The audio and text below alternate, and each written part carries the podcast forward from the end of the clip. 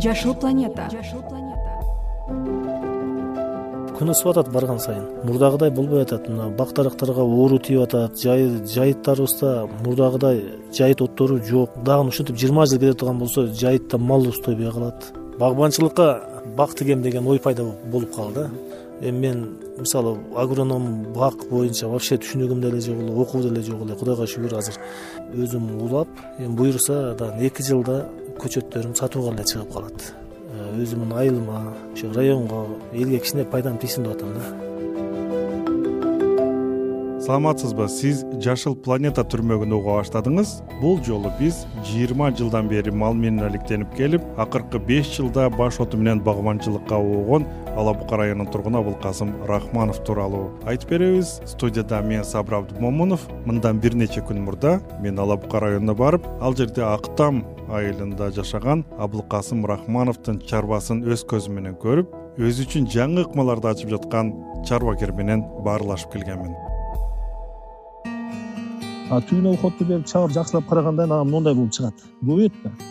Анан бунун түбүн опилка же жанагы биогумус топуракка аралаштырып көмөм көмгөнүмдө анан мисалы могу бир эки үч төрт беш алты жети сегиз тогуз он бир түбүнөн ушунча көчөт пайда болот. Бул көмгөндө көмгөн абылкасым рахманов мага короосундагы жаңы эле эриген кардан улам суу аралаш борпоң топурактын арасында соройгон көчөттүн таякчаларын сыймыктары менен көрсөтүп жатты. Бул отургузулган же кыйыштырылган көчөттөрдү айылдык багбан тажикстан орусиядан ооганстандан жана кыргызстандын жети дубанынан алдырып тиккен экен. Мен биринчи показательный бак кылайын деп алманы эки жыл изилдедим?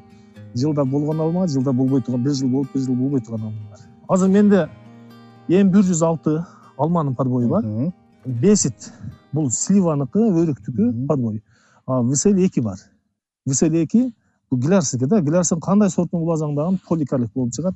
Буларга сливанын кандай сортун уласаң дагы иштин баардыгы подбойдо да. Бизде азыр түшүнүк жок башка жактарга караганда мисалы өзбекстан тажикстанга караганда отуз жыл кырк жыл аркадабыз абылкасым рахманов жалал абаддын ала бука районуна караштуу актам айылында турат. Кырк алты жаштагы чарбагер өзүнчө түтүн булатып чыкканда мал менен алектене баштаган. Акыркы беш жылда малды таштап багбанчылыкка баш оту менен киришиптир. Буга бир чети мал асыроо түйшүгү экинчиден жайыттардын кунары качып баратканы себеп болгон экен жаштыгымдан эле мындай кызыгуучанмын да. Бир нерсеге кызыгып калсам ушунун артынан кызыгып анан жарым жолго барганда таштап койгум келбейт. Акырына чейин барайын деп эми жаңы бир нерсени кызыгып жаңы баштаганда кичине кыйынчылык болот экен түшүнбөгөн нерсе болот экен түшүнгөндөрдөн билгендерден сурап аракет кылып атабыз азыр.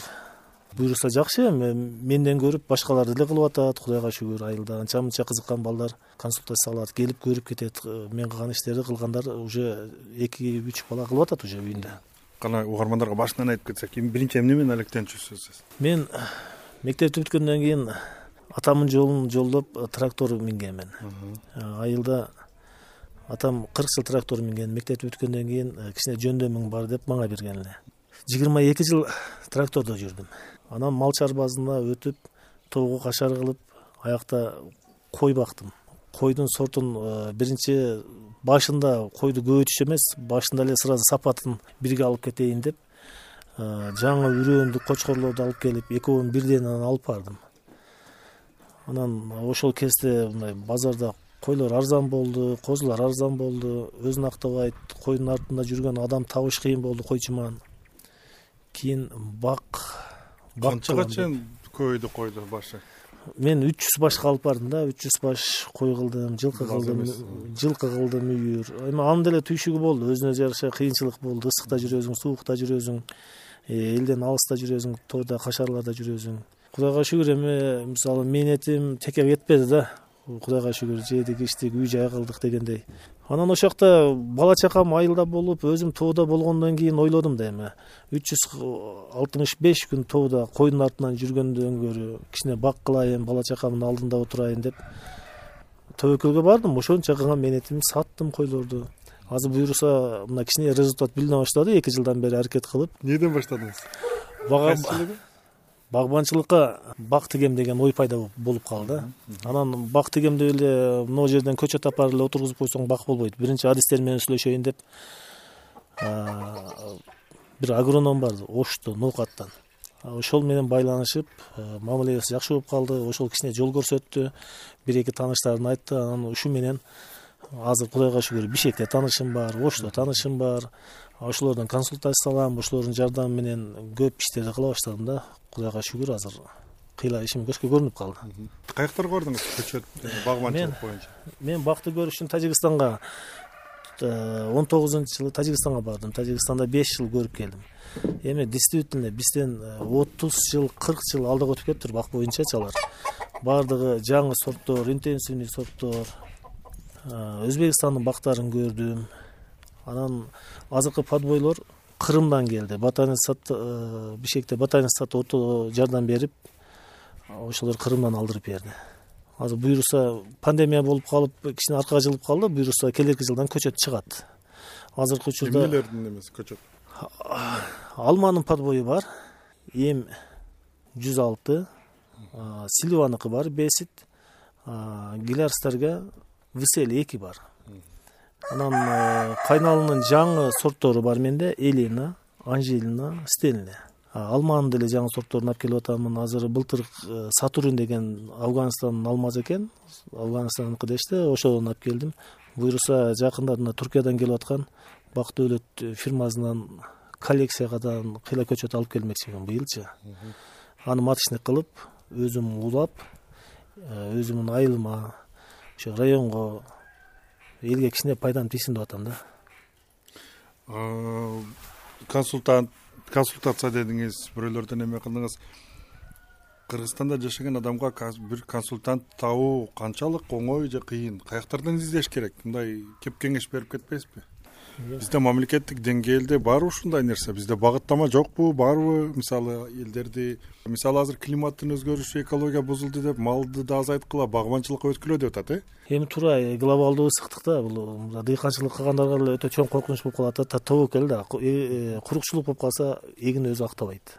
Ушундай учурда мамлекет эмне кылыш керек деп ойлойсуз? Жок мен азыр мамлекеттен бул жөнүндө эч кандай бир жардамды көрбөдүм да. Болгону мен өзүм адам менен сүйлөшүш керек да. Бирөөдү сүйлөштү билип ошолордун акылын алып атам. Аларга мамилем бар. Мындай кудайга шүгүр мамиле кылып калдык. Э, кайсы убакыт чалсам же алар алапка районуна келип калса үйүмө кантип тааныштыңыз алар менен? Интернеттен элеби же кандай? Каяктардан окуйсуз. Кайдыгер эмес адамдарды? Мен бирөөнү эле таап через ош аркылуу номерин алып э, өзүм звонить этип таанышып э, жардамыңыз керек деп ачык эле билбеген сурообун коркпой айта берем. Кудайга шүгүр эч мындай бирөө билген нерсесин айтпай койбоду да эми адамда кызыгуу болсо бирөө берген консультацияны же бирөөдөн көргөн ишин алып кетсе болот экен да.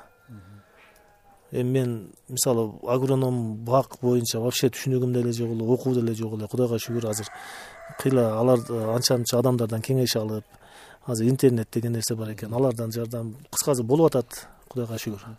Эми буюрса дагы эки жылда көчөттөрүм сатууга эле чыгып калат мамлекет эмне кылыш керек деп ойлойсуз? Кандай сунуштарды берет элеңиз? Жок азыр мамлекет э, дыйкандар жөнүндө айыл чарба министри эч кандай бир иш алып барганын билбейм деле көргөн деле жокмун да жанагы абдулла ташиевич айткандай министрден менин сөз жаным жакшы иштейт деп атпайбы? Эми чында бир багыт жок да министрдечи же үрөн алып келип бербесе же монуну эктебесе мамлекет деле кичине бир саясатка киргизиш керек да буну. Дыйканга сен монуну эк мен алайын мен сатып берейин деген жерин кылыш керек да. Мына өзбекстандын президенти телевизордо көрүп эле атабыз да. Эккиле дейт багыт көрсөтөт жакырчылыктан чыккыла дейт. Биз эми мына могу усага жер тиричилигин кыла бер да.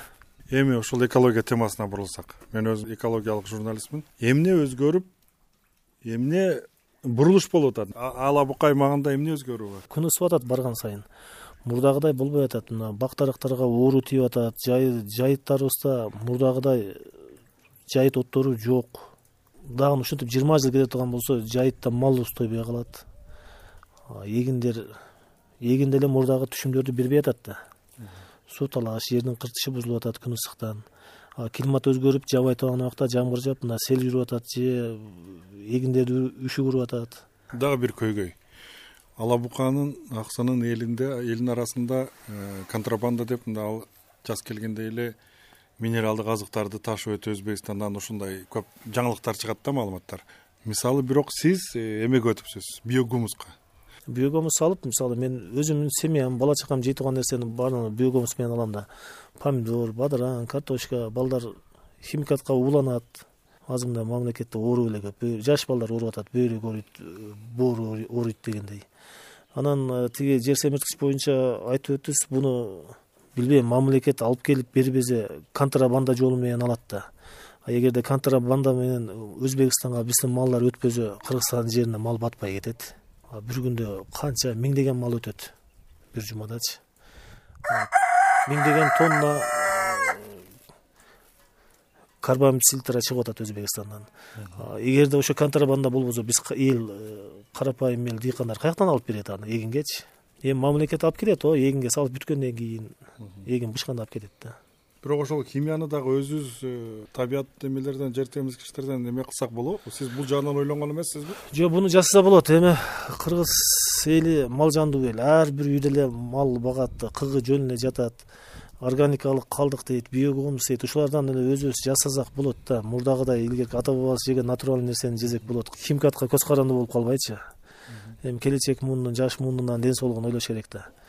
Азыр ушунча адамдан мамлекетибизде өтө мал көп кыргызстанда. Мисалы өзүмдүн айылымда бакса беш он адам биогумус багат. Калганы көңдөр жатат да көрүнгөн жерине иштеш керек кичине эле аракет кылып коюш керек. Бул менет деле көп деле талап кылбаган нерсе экен болгону кичине кызыгыш азыраак менет өзүнүн макул сатпазын өзүнүн семьясына өзүнүн керегине иштете турган кылып чыгарса болот баардык адам.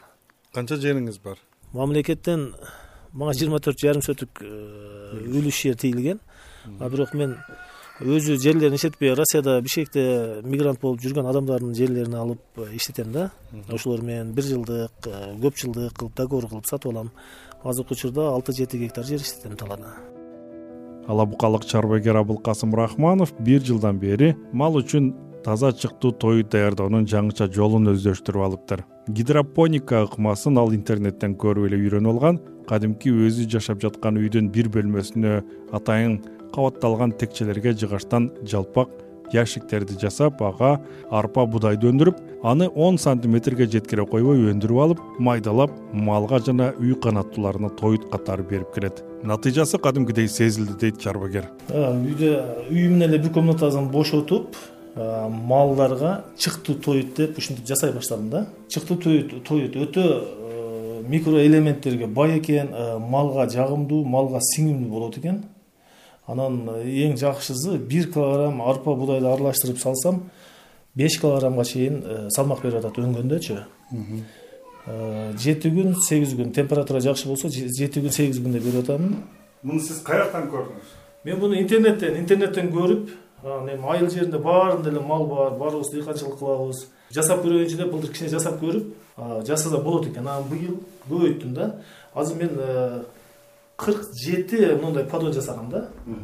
Кырк жети подон үстүнө көбүрөөк батат бирөө баштай кетет да. Себеби могу бөлүнгөн жок да. Төрт сегиз ушинтип он алты кетет ар бирине эми муну жөн эле алып эчтеке кошулбай эле берилет э? Бул эми чыктуу тоют чыктуу тоютту бир күндө бир маал малга будан беремин бир маал кесек тоют дейт чөп беде беремин а бир маал азыраак жем берип коем бул токсон тогуз процент токсон процент суу болуп малга өтө сиңимдүү болот экен бул малдын ашказанында көбүрөөк турбаш үчүн чөп жем бербесе болбойт экен. Жылдагыга караганда малдарым быйыл эти дагы жакшы чыкты. Тону тону деп коебуз могу жүндөрү сырткы көрүнүшү дагы жакшы чыкты да. Витаминге тойгон үчүнбү анан мен быйыл ушуну байкадым малга берип аткан чакта тоокторду таштап коем а өткөндө катуу суук багында суук болгондо бул өнбөй дагы калды. Тоокторум ошого чейин тукумдан токтоду да кышында тоок туубай калыш керек эле менин балдарыма тукум үйүмөн тукум чыгып турду да.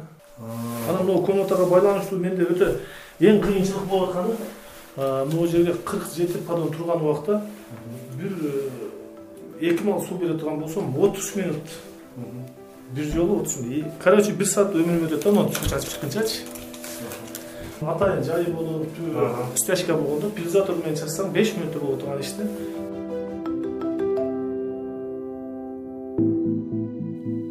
урматтуу угарман жашыл планета түрмөгүндө бул жолу ала бука районунун тургуну абылкасым рахмановдун климаттын өзгөрүүсүнөн улам жаңы шарттарга ыңгайлашып жүргүзүп аткан чарбасы тууралуу айтып бердик. Түрмөктү мен сабыр абдымомунов даярдадым жашыл планета түрмөгүнүн баардык уктурууларын сиз подкаст платформаларынан таап угасыз. Ал үчүн сиз азаттык жашыл планета деп издеңиз эсен туруңуз.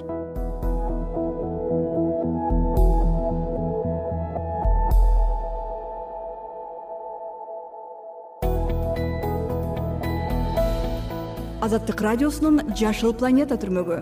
Экологиялык көйгөйлөрдү көтөрүп климаттын өзгөрүүсүнүн жашоого тийгизген таасиринен кеп салабыз